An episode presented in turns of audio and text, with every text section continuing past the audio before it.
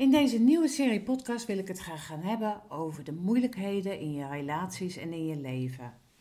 En om te beginnen wil ik een heel mooi stukje uit de Psalm van David, Psalm 23, zetten, waarin hij zegt: God herstelt en verkwikt mijn ziel. Nou, dat is precies de troost waar ik deze podcast mee wil beginnen. Want we gaan het hebben over pijn, frustratie, verdriet, angst, depressie, negatieve gedachten die allemaal komen uit je gewonde ziel.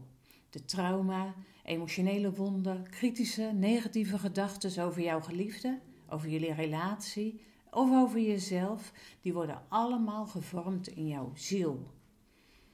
Nou, wij mensen, wij zijn geest. God maakte ons naar zijn beeld en gelijkenis, zegt Genesis 1, vers 27. En God is geest. Johannes 4, vers 24 staat: God is geest en wie hem aanbidden, moeten hem aanbidden in geest en in waarheid. Onze geest is gehecht aan God. Dat is onze manier om contact met God te maken. Als wij wedergeboren worden. Paulus zegt in 1 Korinthe 6, vers 17: Wie zich echter met de Heer verenigt, is één geest met hem. Nou, dat woord verenigd in de originele Griekse taal is dat kalau en dat betekent lijmen, verbinden, vasthechten, aanhangen. Dat zijn hele intieme relatiewoorden die wij ook gebruiken voor onze intieme relaties. Wij gebruiken dat in onze relatiecoachings en onze cursussen over relaties. Nou, dan hebben we een lichaam, we leven in een lichaam. Dat is om hier op aarde te leven en om contact te maken met andere mensen. En onze ziel, die hebben we ook. Onze ziel is je denken, je wil en je emoties. Nou, en daar zitten dan die emotionele wonden, die trauma en die negatieve, kritische, oordelende gedachten. Die gewonde ziel, die we allemaal in meer of mindere mate hebben, die heeft heel veel invloed op gebieden van je relaties en je leven. Het kan bijvoorbeeld zorgen dat je verkeerde gedachten denkt, oordelende, negatieve, kritische gedachten.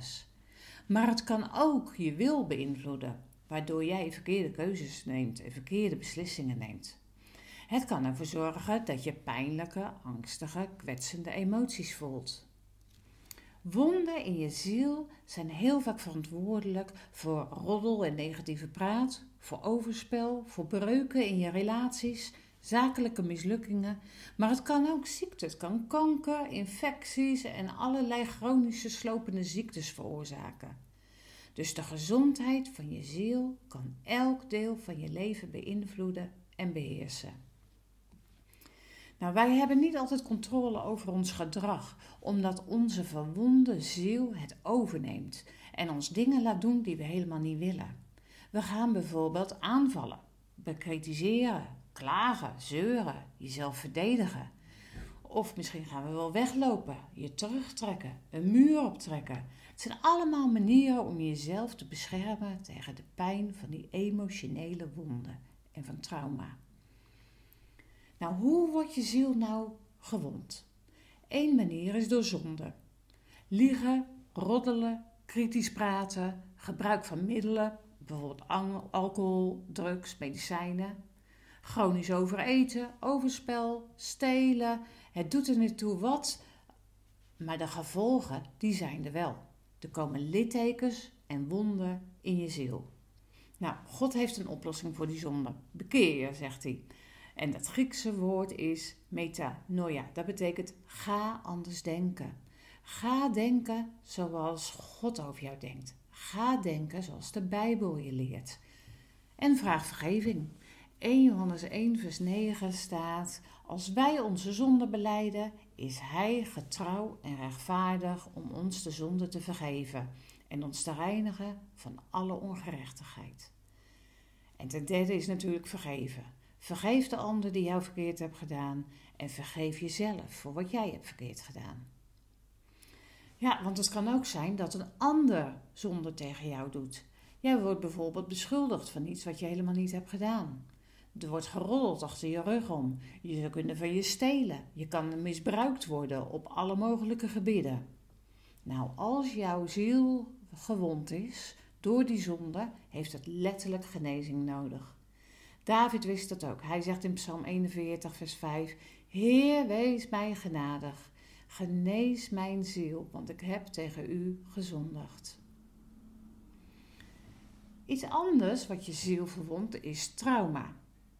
Een ongeval, een sterfgeval, een verlies van baan of financiële tegenslag, een scheiding, chronische ziekte. Je ziel kan gewond zijn omdat je bijvoorbeeld vroeger gepest was.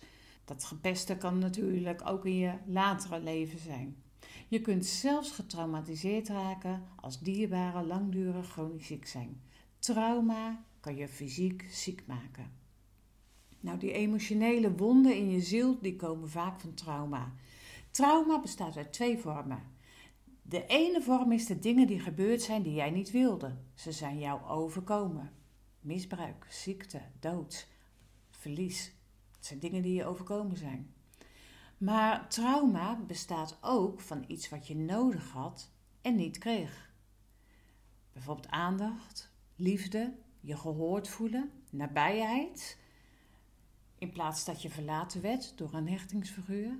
Acceptatie, dat je mag zijn wie je bent. En zo zijn er nog heel veel andere dingen die jij nodig had om goed op te groeien. Om een stabiele volwassene te worden en het niet gekregen hebt. In een andere podcast gaan we hier nog veel verder over doorpraten. Maar voor nu wil ik heel graag afsluiten met wat Jezus zei over zijn doel hier op aarde. Hij ging naar de synagoge, de kerk van die tijd, in zijn eigen woonplaats Nazareth en toen pakte hij het boek Jezaja. Het boek Jezaja daar heeft God al honderden jaren eerder gezegd tegen Jezaja dat er een oplossing zou komen voor zonde en ellende, voor ziekte en voor nood. En die oplossing is zijn eigen zoon Jezus. In Lucas 4, vers 16 tot 20 staat het zo. Zo kwam Jezus in Nazareth, waar hij was opgegroeid. Zoals altijd ging hij na de heilige rustdag naar de synagoge toe. Daar stond hij op om voor te lezen.